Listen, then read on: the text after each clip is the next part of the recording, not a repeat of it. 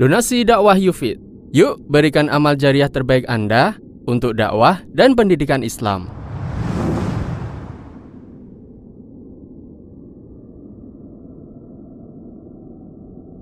Bismillahirrahmanirrahim. Assalamualaikum warahmatullahi wabarakatuh. Alhamdulillahi rabbil alamin. والعاقبة للمتقين ولا عدوان إلا على الظالمين وصلى الله على نبينا وسيدنا محمد وعلى آله وصحبه أجمعين أما بعد Kita panjatkan puja dan puji syukur kehadirat Allah Subhanahu wa taala. Pada kesempatan malam yang berbahagia kali ini tanggal 2 Rajab 1440 Hijriah atau yang bertepatan dengan tanggal 8 Maret 2019 kita masih kembali diberi kekuatan, kesehatan, hidayah serta taufik dari Allah Jalla wa Ala sehingga kita bisa kembali menghadiri pengajian rutin untuk membahas adab dan akhlak di dalam Islam di Masjid Jenderal Besar Sudirman di kota Purwokerto ini. Kita berharap semoga Allah Subhanahu wa taala berkenan untuk melimpahkan kepada kita semuanya ilmu yang bermanfaat sehingga bisa kita amalkan sebagai bekal untuk menghadap kepada Allah Jalla wa Ala. Amin. Salawat dan salam Semoga senantiasa tercurahkan kepada junjungan kita Nabi besar Muhammad sallallahu alaihi wasallam kepada keluarganya, sahabatnya dan umatnya yang setia mengikuti tuntunannya hingga di akhir nanti. Para hadirin dan hadirat sekalian yang kami hormati dan juga segenap pendengar Radio Insani 88.8 FM di Prokerto, Purbalingga, Banyumas, Banjarnegara, Cilacap, Wonosobo, Kebumen dan sekitarnya. Juga para pemirsa Yufi TV, Surau TV, dan Niaga TV yang mudah-mudahan senantiasa dirahmati oleh Allah Azza wa Jalla. Alhamdulillah pada pertemuan terakhir kita telah menyelesaikan hadis nomor 30 sehingga pada kesempatan yang berbahagia kali ini kita akan berpindah ke hadis berikutnya ya hadis yaitu hadis nomor 31.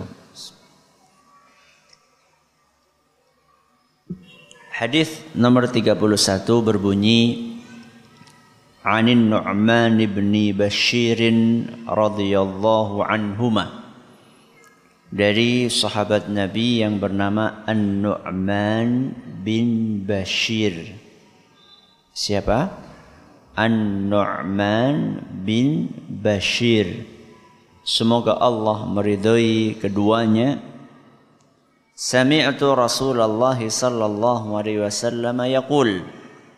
Kata An-Nu'man, aku pernah mendengar Rasulullah sallallahu alaihi wasallam bersabda wa ahwa an-nu'manu bi isba'ihi ila udunaihi Nu'man berkata, aku pernah mendengar Rasul sallallahu alaihi wasallam bersabda sambil An-Nu'man mengacungkan dua jarinya ke telinganya. Apa maksudnya? Aku pernah mendengar Rasul SAW bersabda. Apa maksudnya? Aku dengar langsung. Ini namanya penegasan. Sambil Nu'man bicara, aku mendengar Rasul SAW bersabda. Sambil Nu'man bicara demikian, dia sambil menunjukkan dua telunjuknya ke dua telinga beliau untuk memastikan bahwa An-Nu'man ini dengar langsung hadis ini dari lisan Nabi kita Muhammad sallallahu alaihi wasallam. Apa hadis yang didengar oleh An-Nu'man? Rasul SAW bersabda, Innal halala bayyinun. Sesungguhnya sesuatu yang halal itu jelas. Wa innal harama bayyinun. Dan sesuatu yang haram juga jelas. Wa bainahuma mushtabihat. Antara keduanya apa keduanya? Antara yang halal dengan yang haram di tengah-tengahnya ada sesuatu yang samar-samar. Samar-samar itu maksudnya apa? Urung genah. Urung genah halal apa haram? Itu namanya samar-samar. La ya'lamuhunna kathirum minan nas. Banyak orang tidak tahu. Tidak tahu yang samar-samar tersebut. Nah, kalau zaman ini jangankan yang samar-samar. Sehingga kena, haram be, hakal surang ngerti. Banyak orang belum tahu riba itu haram, banyak. Atau banyak orang tidak tahu riba itu seperti apa, banyak. Padahal riba itu samar-samar apa haram? Haram. Gak perlu ragu kalau riba itu haram. Nabi SAW sedang membicarakan di zaman itu banyak orang yang tidak tahu yang samar-samar ini. Kalau di zaman kita jangankan yang samar-samar. Yang haram pun banyak orang tidak tahu. Faman faqad istabra'a lidinihi wa irdihi. Nabi SAW melanjutkan, barang siapa menjauhi hal yang samar-samar. Barang siapa menjauhi hal yang samar-samar, maka dia telah menyelamatkan agamanya dan kehormatannya. Barang siapa menjauhi hal yang samar-samar, maka dia telah menyelamatkan agamanya dan kehormatannya. Wa man waqa'a fi syubuhati waqa'a fil haram. Barang siapa terjerumus kepada sesuatu yang samar-samar berarti dia telah terjerumus kepada sesuatu yang haram. Apa kata Nabi? Barang siapa terjerumus kepada sesuatu yang samar-samar berarti dia telah terjerumus kepada sesuatu yang haram. Lalu Nabi kita sallallahu alaihi wasallam memberikan sebuah perumpamaan. Bagaimana sesuatu yang samar-samar itu akan mengantarkan seseorang kepada yang haram. Sesuatu yang remeng-remeng bagaimana mengantarkan seseorang kepada sesuatu yang gelap, yang hitam, Kata Nabi SAW, Karra'i yar'a hawlal hima. Mirip seperti seorang penggembala yang menggembalakan hewan ternaknya di sekitar wilayah, di sekitar tanah larangan. Tanah larangan itu maksudnya ya tanah yang tidak boleh dimasuki. Mungkin karena di dalamnya ada hal-hal yang tidak boleh sembarang orang masuk. Atau mungkin karena di dalamnya ada kebun milik orang lain yang tidak ingin terganggu sehingga dibikin pagar tanah larangan seperti seorang penggembala yang menggembalakan hewan ternaknya di sekeliling tanah larangan. Bukan di dalamnya, Cuma di apanya? Dekat dengan tanah larangan. Yushiku an fihi. Kata Nabi SAW, tidak akan lama kemudian hewan ternaknya bakalan nerobos tanah larangan itu. Bakal masuk ke dalam tanah larangan itu. Walaupun aslinya tidak. Nabi SAW mengumpamakan yang samar-samar tadi seperti wilayah dekat tanah larangan. Kalau Anda menggembalakan hewan ternak Anda di dekat tanah larangan itu, walaupun awalnya cuma di sekitarnya, maka akan datang waktu di saat kambing Anda akan masuk ke dalam tanah larangan tersebut. Karena kambing tidak bisa baca. Ini tidak boleh dimasuki. Hanya yang berkepentingan yang boleh masuk. Kambing berkepentingan. Dia nyari makan. Ya.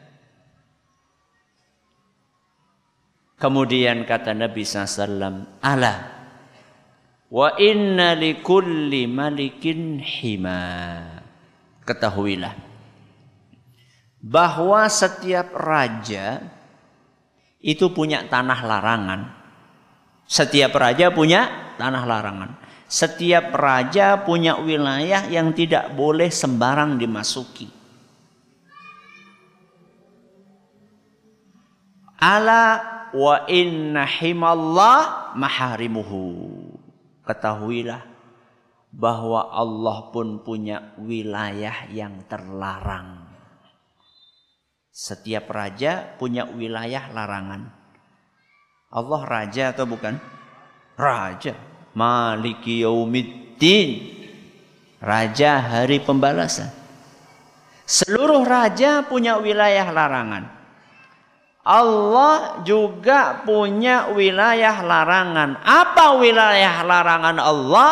Wilayah larangan Allah adalah hal-hal yang diharamkan olehnya.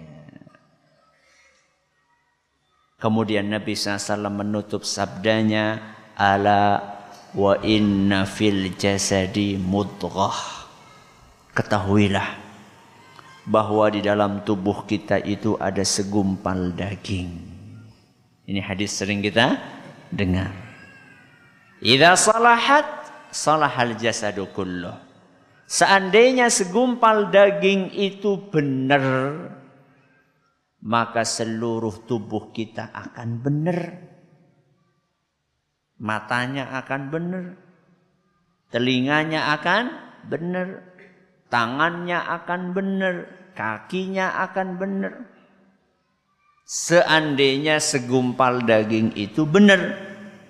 Sebaliknya, wa idza fasadat fasadal jasadu kulluh. Tapi kalau segumpal daging itu rusak, maka seluruh tubuh kita akan rusak. Matanya akan rusak, telinganya akan rusak, mulutnya akan rusak, kakinya akan rusak, tangannya akan rusak, semuanya akan rusak gara-gara rusaknya segumpal daging ini. Ala wahyal qalb. Ketahuilah bahwa segumpal daging itu adalah kalbu. Yang biasa diterjemahkan di Indonesia dengan hati. Walaupun yang lebih pas itu jantung. Nanti kita akan jelaskan.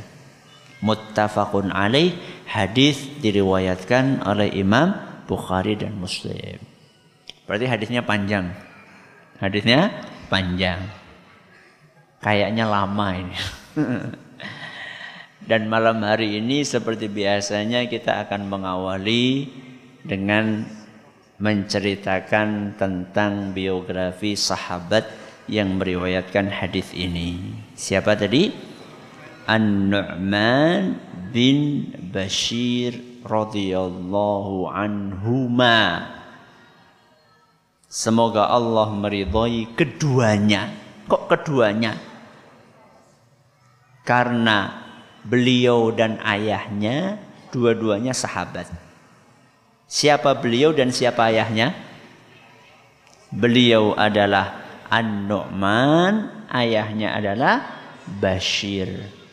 An-Nu'man dan Bashir kedua-duanya sama-sama sahabat.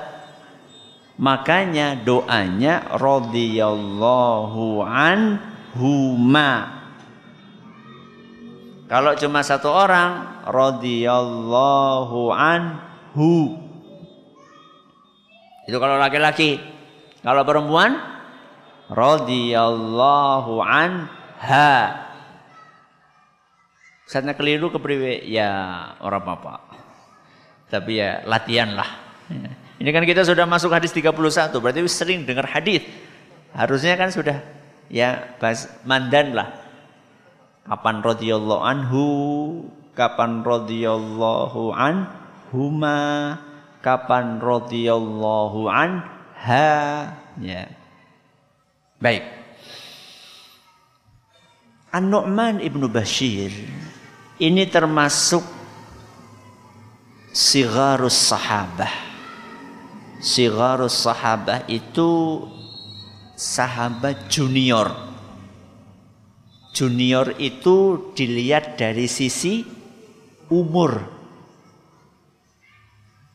Bukan dilihat dari sisi ilmu. Enggak. Tapi dilihat dari sisi umur. Maksudnya gimana Ustaz? Maksudnya ketika Nabi SAW wafat, An-Nu'man ini masih kecil. Usianya 8 sampai 9 tahun. Ketika Nabi SAW wafat. Tapi satu hal yang menarik untuk kita perhatikan. Walaupun An-Nu'man bin Bashir itu ketika Nabi SAW wafat, usianya baru 8 atau 9 tahun, berarti kelas pira SD? Kelas 2. Akan tetapi Nu'man ini merekam sekian banyak hadis Rasul SAW. Umumnya anak kecil kapan pun, di mana pun seneng mainan. Betul? Rata-rata anak sampai di zaman Nabi SAW pun anak kecil biasa mainan.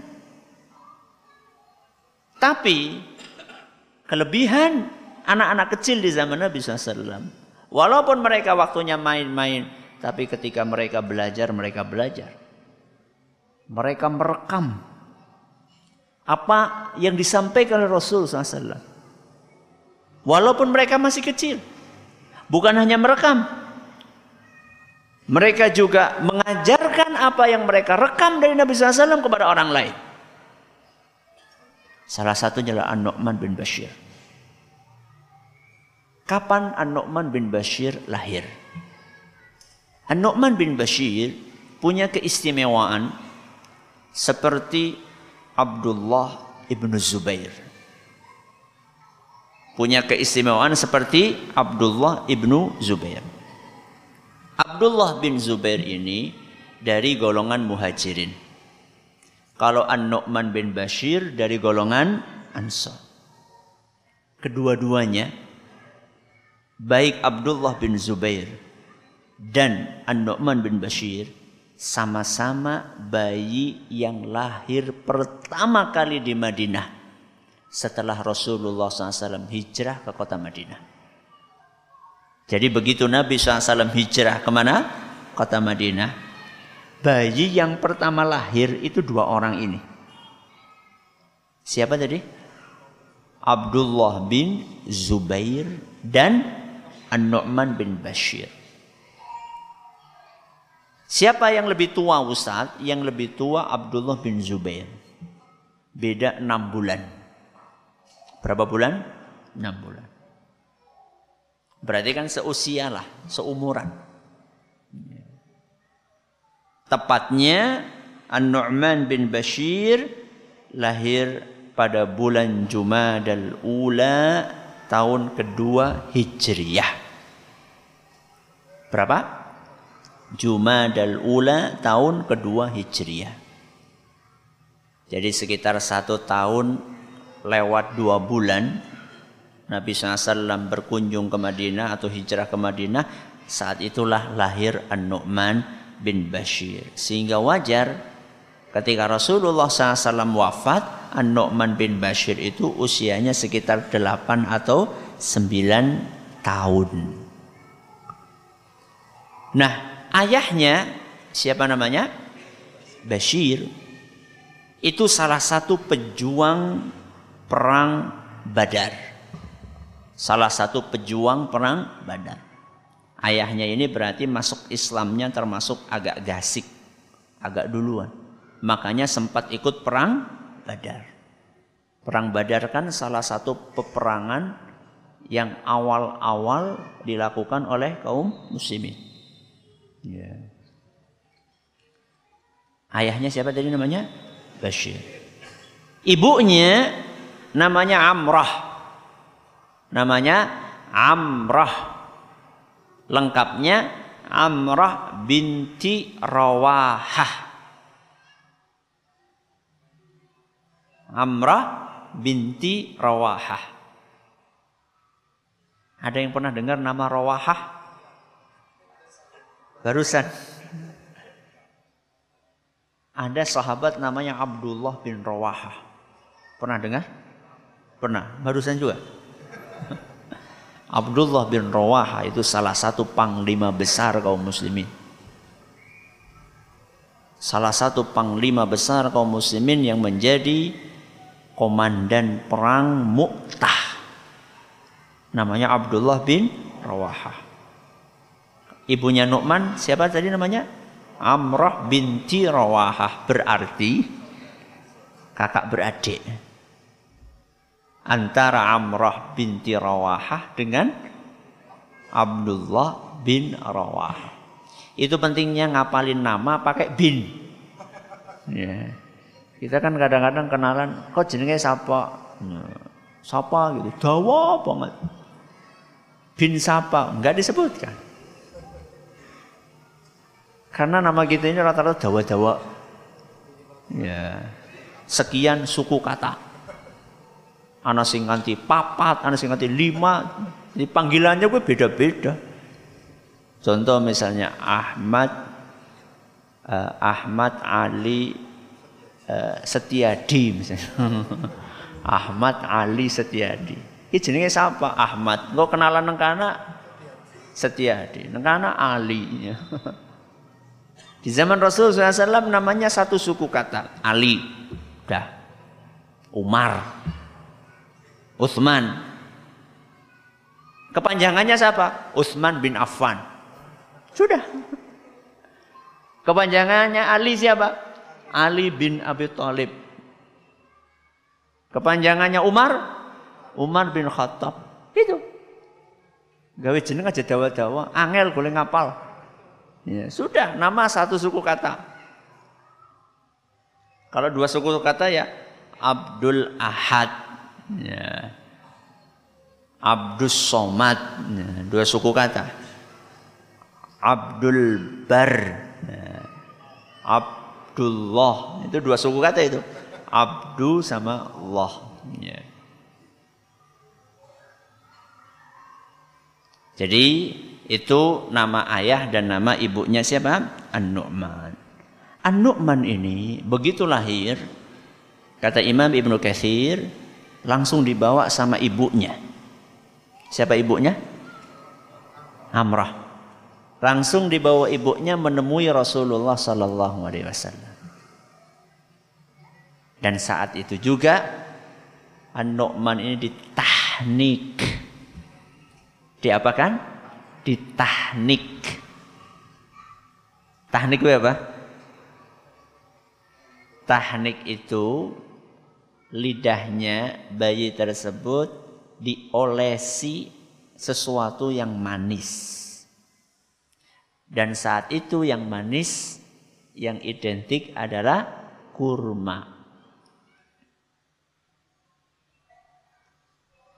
Oh, kurma kan atos Ustaz. Masa yang kok keselak ya ora kurma siji sih bener boy. Kurma dilembutkan oleh Nabi SAW. Masya Allah. Nabi SAW. Berarti ada sebagian dari air ludah Nabi SAW yang masuk ke mulutnya siapa? An-Nu'man. Ya, berkah. Ya. Ya Ustaz biasa baik. Kalau Nabi SAW berkah. Ya. Di, di, dikunyahkan sedikit kemudian hanya sekedar diinikan. Sekedar di apa namanya? Dioleskan. Dan ternyata di kemudian hari sebagian peneliti membuktikan bahwa itu sangat membantu uh, perkembangan si anak secara kesehatan. Terlepas dari itu semua, yang jelas tahnik ini salah satu sunnah yang diajarkan oleh Nabi kita Muhammad Sallallahu Alaihi Wasallam. Kemudian Nabi SAW mendoakan bayi itu. Siapa? An-Nu'man agar hidup dalam keadaan baik. Dan memang betul. An-Nu'man sekecil itu, anak usia SD, sudah merekam hadis Nabi SAW. Dan hadis yang diriwayatkan oleh An-Nu'man dari Nabi SAW itu ada 114 hadis. Kata Imam Az-Zahabi rahimahullah, jumlah seluruh hadis yang diriwayatkan oleh An-Nu'man ada 114 hadis. Bayangkan. Umur berapa? 9 tahun. Itu ketika wafat loh. Berarti kan mestinya kan masa Nu'man belajar dari Nabi SAW ketika umur 9 tahun saja 114 hadis. Kemungkinan kan sebelum itu sudah belajar. Coba anaknya kulo kalian jenengan pinten hadis. Anakku usianya sepitulas Ustaz. Hadisnya ya si ciberung anak. Aku tak siki usianya pitung puluh siji Ustaz. Satu hadis pun juga belum ada. Lihat para sahabat Nabi SAW. Ya. Ajarkan sesuatu yang bermanfaat buat anak-anak kita. Sebelum mengajarkan sesuatu yang mungkin bermanfaat tapi tidak terlalu bermanfaat. Ya. Ada hal-hal yang dibutuhkan oleh anak di dunianya dan di akhiratnya. Itu yang diajarkan. Prioritaskan mengajarkan sesuatu yang bermanfaat buat anak. Untuk dunia dan akhiratnya. Ya. Oke lah kita butuh matematika. Siapa? Ya kita butuh matematika. Kita jual beli kalau nggak paham matematika di Lomboni. Tapi apa anak usia kelas 3 SD sudah konsinau sinus apa kosinus tangan, ya. Apa yang dibutuhkan oleh anak kelas sekian SD? Saya nggak tahu di kelas berapa SD, ya. Apa ya anak SD butuh matematika sejelimet itu? Sudahlah, nggak usah yang anak SD. Jenengan yang punya bisnis toko, butuh orang sinus kosinus tangan. Butuh? oh kalkulator Ustaz. Ya. Paling kan tambah, kurang, bagi, kali. Saya tidak mengecilkan pentingnya ilmu matematika. Penting. Tapi apa semua anak-anak kita mempelajari matematika level tinggi dan diharuskan? Mending seandainya pembelajaran itu tidak sampai mengabaikan yang lebih penting. Kenyataannya karena saking banyak ilmu yang tidak terlalu penting yang diajarkan kepada anak, akhirnya yang jelas-jelas penting tersisihkan. Itulah realita yang ada saat ini. Dan itulah pendidikan di, negeri kita.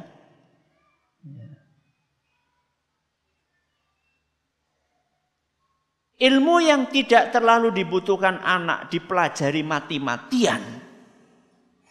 Sedangkan ilmu yang dibutuhkan oleh anak malah diabaikan. Akhirnya jadilah generasi milenial yang kita saksikan saat ini. Dan kita harus perbaiki. Jangan kita menyerah dengan keadaan. Jangan kita menyerah dengan keadaan kita harus perbaiki pola pendidikan seperti itu. Sudah berapa hadis tadi? 114 hadis. Antara lain hadis yang barusan kita dengar. Panjang nggak? Panjang. Jajal siapa sih hafal? Itu hafal luar kepala Nu'man. Luar kepala Nu'man hafal. Bukan cuma hafal. Hafal dan paham. Bukan cuma paham, paham dan dipraktekkan. Ya. Nanti kita akan jelaskan penjabarannya pada pertemuan-pertemuan berikutnya. Saya akan ambilkan hadis yang lain. Yang diriwayatkan oleh An-Nu'man bin Bashir radhiyallahu anhuma dan bagaimana An-Nu'man ini bukan cuma menghafal hadis tapi juga mempraktekkan hadis. Yaitu sabda Nabi sallallahu alaihi wasallam, "Matsalul mu'minina fi tawaddihim wa tarahumihim wa ta'atufihim mathalul jasad. Perumpamaan kaum mukminin dalam hal ukhuwah dalam hal kasih sayang dan dalam hal kepedulian sesama mereka sesama mereka itu maksudnya sesama kaum mukminin. Mukmin yang satu berukhuwah dengan mukmin yang lain. Mukmin yang satu berkasih sayang dengan mukmin yang lain. Mukmin yang satu peduli dengan mukmin yang lain. Kepedulian mereka ini seperti satu tubuh.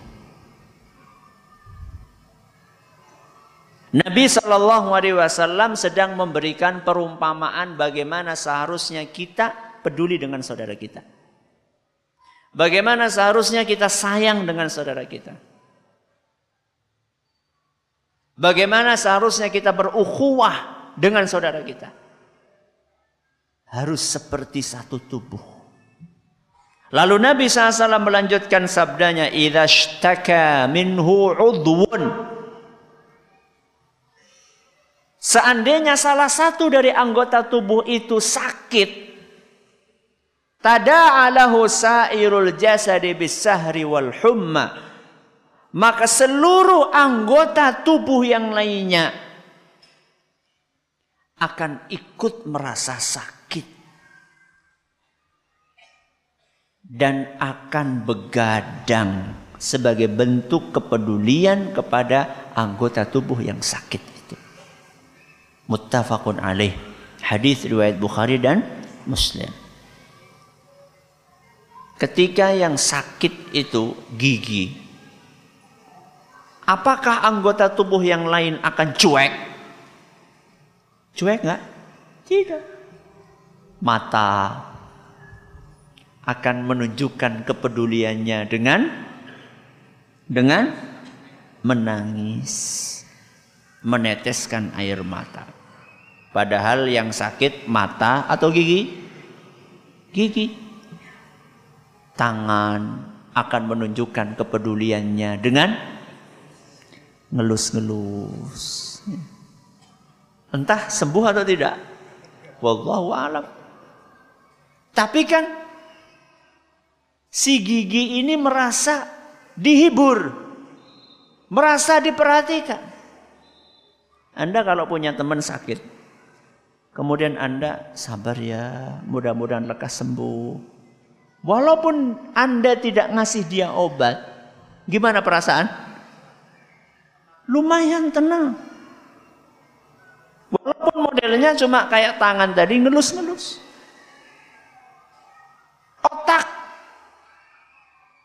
Bagaimana kepeduliannya?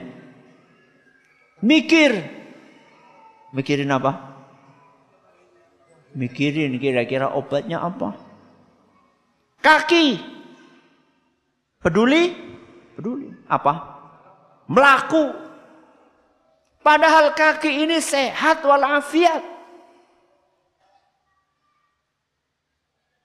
Dia tidak mengatakan sing lara untuk nyongkon melaku some, enggak ada kaki seperti itu. Inilah yang terjadi di antara kaum muslimin di zaman ini. Cuek. Gak peduli. Karena kita tidak meresapi nasihat Rasul SAW yang diriwayatkan oleh An-Nu'man tadi. Baik. Lihat bagaimana Nu'man praktek hadis tersebut. Diceritakan, Nu'man ini pernah ditugasi sama Muawiyah. Untuk jadi gubernur di kota Hims.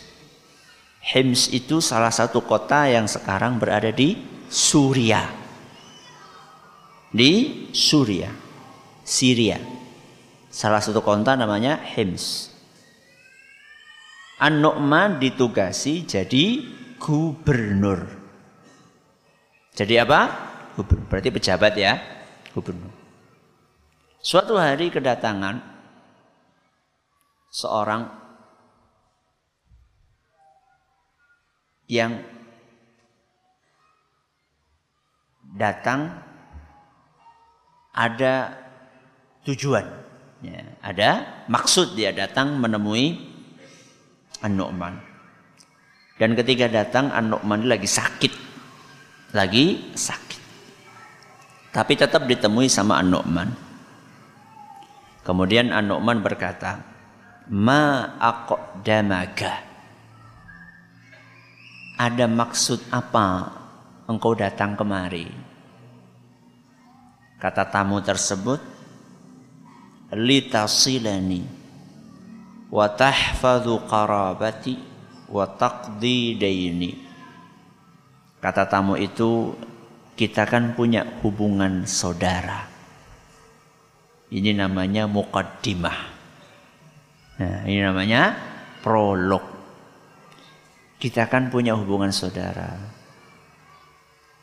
Kita juga masih kerabat. Aku terlilit utang. Nah, ini intinya. Aku terlilit utang. Apa kata Nu'man? Wallahi ma'indi. Demi Allah, aku nggak punya duit gubernur. Gubernur.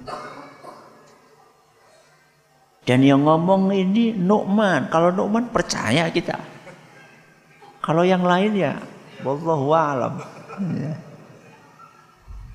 Demi Allah, Nu'man ini bersumpah, demi Allah, saya nggak punya duit. Gubernur loh. Ya. Rata-rata pejabat yang berasal dari kalangan sahabat Nabi SAW dan ulama-ulama kita. Ya seperti itu. Ya. Sehingga rakyatnya ya manut. Nurut. Karena para pejabat itu ngasih contoh. Bagaimana amanah di dalam menjaga harta rakyatnya. Tapi lihat, apakah An-Nu'man itu kemudian pasrah? Aku udah duit, jajal ngone wong liya. Enggak. Apa kata An-Nu'man? Walakinni sa'iluhum laka syai'an. Tapi saya akan usahakan. Saya tanyakan kepada rakyatku Mungkin ada di antara mereka yang bisa membantu kamu. Tadi kan kita cerita Nu'man dalam keadaan sakit. Tetap dia berusaha membantu saudaranya ini. Thumma qama fasa'idal mimbar. Kemudian dia kumpulkan rakyatnya. Naik ke atas mimbar. Apa kata beliau? Ya ahla Hims. Wahai penduduk kota Hims. Dikumpulkan rakyatnya. Dalam rangka untuk membantu tamu yang sedang kesulitan dan terlilit hutang ini. Inna hadha ibnu ammikum minal Iraqi. Ini saudara kalian datang dari Irak. Dari mana? Irak. Datang dari Irak ke Syam. datang ke Suria dari Irak. Ini saudara kalian datang membutuhkan bantuan kalian. Adakah di antara kalian yang mau membantunya? Baik, kita lanjutkan insyaallah. Alhamdulillahirrahmanirrahim. Assalatu wassalamu ala nabiyina Muhammadin wa ala alihi wa sahbihi ajma'in wa ba'd. An-Nu'man dia berkata kepada rakyatnya, Adakah di antara kalian yang bisa membantu orang ini? Apa kata rakyatnya? Sudah, engkau tarik saja iuran dari kami. Kita iuran untuk bantu orang ini. Anuman gak mau. Anuman gak mau. Karena dia tidak ingin merepotkan rakyatnya. Anuman berharap ada satu orang yang mau untuk nalangi. Akan tetapi ternyata kondisi rakyatnya juga sedang sulit. Ketika melihat gubernurnya itu nggak mau merepotkan rakyatnya, akhirnya setengah mendesak.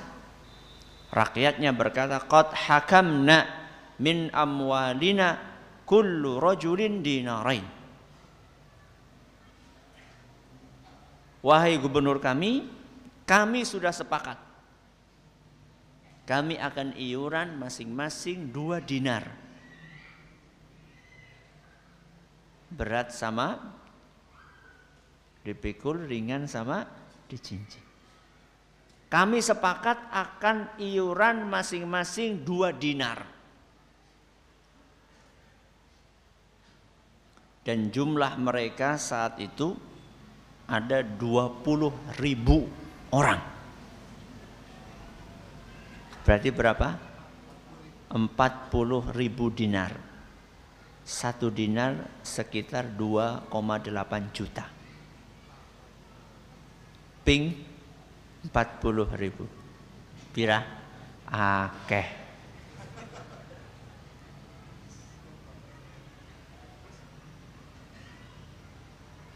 Tapi yang jadi masalah itu tanggal tua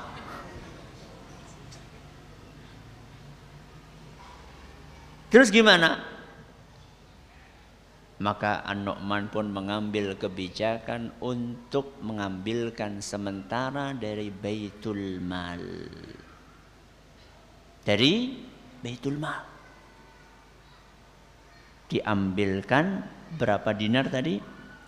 40 ribu dinar. Untuk bantu saudaranya dari mana? Irak. Irak beda negara. Jadi kalau sudah peduli dengan orang lain itu, sudah lintas negara, lintas wilayah. Walaupun tetap yang diprioritaskan yang dekat-dekat. Jangan sampai kita sibuk bantu sana-sana tetangga kita mati kelaparan, jangan. Ya. Tapi ini menunjukkan bagaimana kepedulian kaum muslimin di zaman itu lintas wilayah. Gak kemudian, oh itu beda warna sama saya. Oh itu bukan orang Indonesia, itu orang Rohingya. Enggak, Muslim, mukmin, kita bantu. Ya. Dipotongkan dari apa tadi? Diambilkan dari Baitul Mal. Baru kemudian saat gajian, nah, masya Allah, rakyat digaji sama pemerintah. Saat gajian, baru kemudian dipotong masing-masing orang berapa tadi? Dua dinar. Inilah kisah bagaimana An-Nu'man bin Bashir memiliki kepedulian terhadap saudaranya sesama muslim karena beliau mengamalkan hadis yang tadi sudah kita bawakan yang beliau riwayatkan dari Nabi kita Muhammad sallallahu alaihi wasallam. Masih banyak hadis-hadis yang lain. Ada berapa tadi? 114 hadis. Dan juga masih banyak pula nasihat-nasihat yang disampaikan oleh Nu'man sendiri dari perkataan beliau waktunya tidak memungkinkan. Terakhir An-Nu'man wafat pada tahun 64 Hijriyah. Tahun berapa? 64 Hijriah. Berarti usianya berapa? Sekitar 62 tahun. Insya Allah pada pertemuan berikutnya kita akan mulai mengkaji isi dari hadis yang tadi kita bawakan. Ini saya akan bawakan beberapa pertanyaan termasuk pertanyaan yang pada pertemuan lalu Ustadz pernah eh, kemarin disampaikan bahwa siapa pun yang berbuat kebaikan kita diminta untuk membalas kebaikannya. Apakah hal ini juga termasuk kepada mereka yang non muslim yang berbuat baik kepada kita? Iya. Kata Syekh bin Bas rahimahullah, non muslim yang berbuat baik kepada kita maka kita balas kebaikannya. Ya. Apalagi muslim. Apalagi muslim. Non muslim saja kalau berbuat baik kepada kita kita balas. Bahkan bisa jadi balas budi kita kepada dia bisa jadi pintu hidayah buat dia. Ya, maka balas budi dia. Ustadz di rumah saya ada janda, dia bekerja sebagai pemulung. Setiap hari dia saya jatah uang untuk makan, tapi kemarin saya menemukan dia sedang ngerokok apa yang harus saya lakukan? Apakah saya stop uang jatah untuk dia atau saya nasihati dinasehati. Dinasehati dan diteruskan santunannya. Saya khawatir kalau anda stop dia semakin menjadi-jadi. Dia akan semakin menjadi-jadi dalam perbuatan buruknya. Khilaf ya lagi salah, dinasehati. Kalau Anda kasih, Anda nasihati, Anda itu punya bergaining ya, untuk diterima nasihatnya. Ya, karena Anda punya jasa sama dia. Sehingga mau tidak mau dia akan mendengar, manut. Ya, ya suatu saat mungkin tidak apa-apa agak sedikit ditegesi. Ya. Tetap merokok korotak wailo dengan bahasa yang mungkin lebih baik lagi. Ya. Mudah-mudahan dia terbuka hatinya. Ustaz saya punya hutang piutang tapi kehilangan jejak. Info penghutangnya, nomor telepon penghutangnya, nota hutangnya. Sedangkan hutang teringat cuma kira-kira. Apa yang harus dilakukan? Anda yang utang atau Anda yang diutangi? Anda yang diutangi. Kalau Anda yang diutangi, orang lain utang sama Anda, Anda kehilangan jejak, diikhlaskan aja. Kalau Anda yang diutangi. Tapi kalau Anda yang ngutang, itu lain masalah. Anda harus maksimal mencari. Maksimal.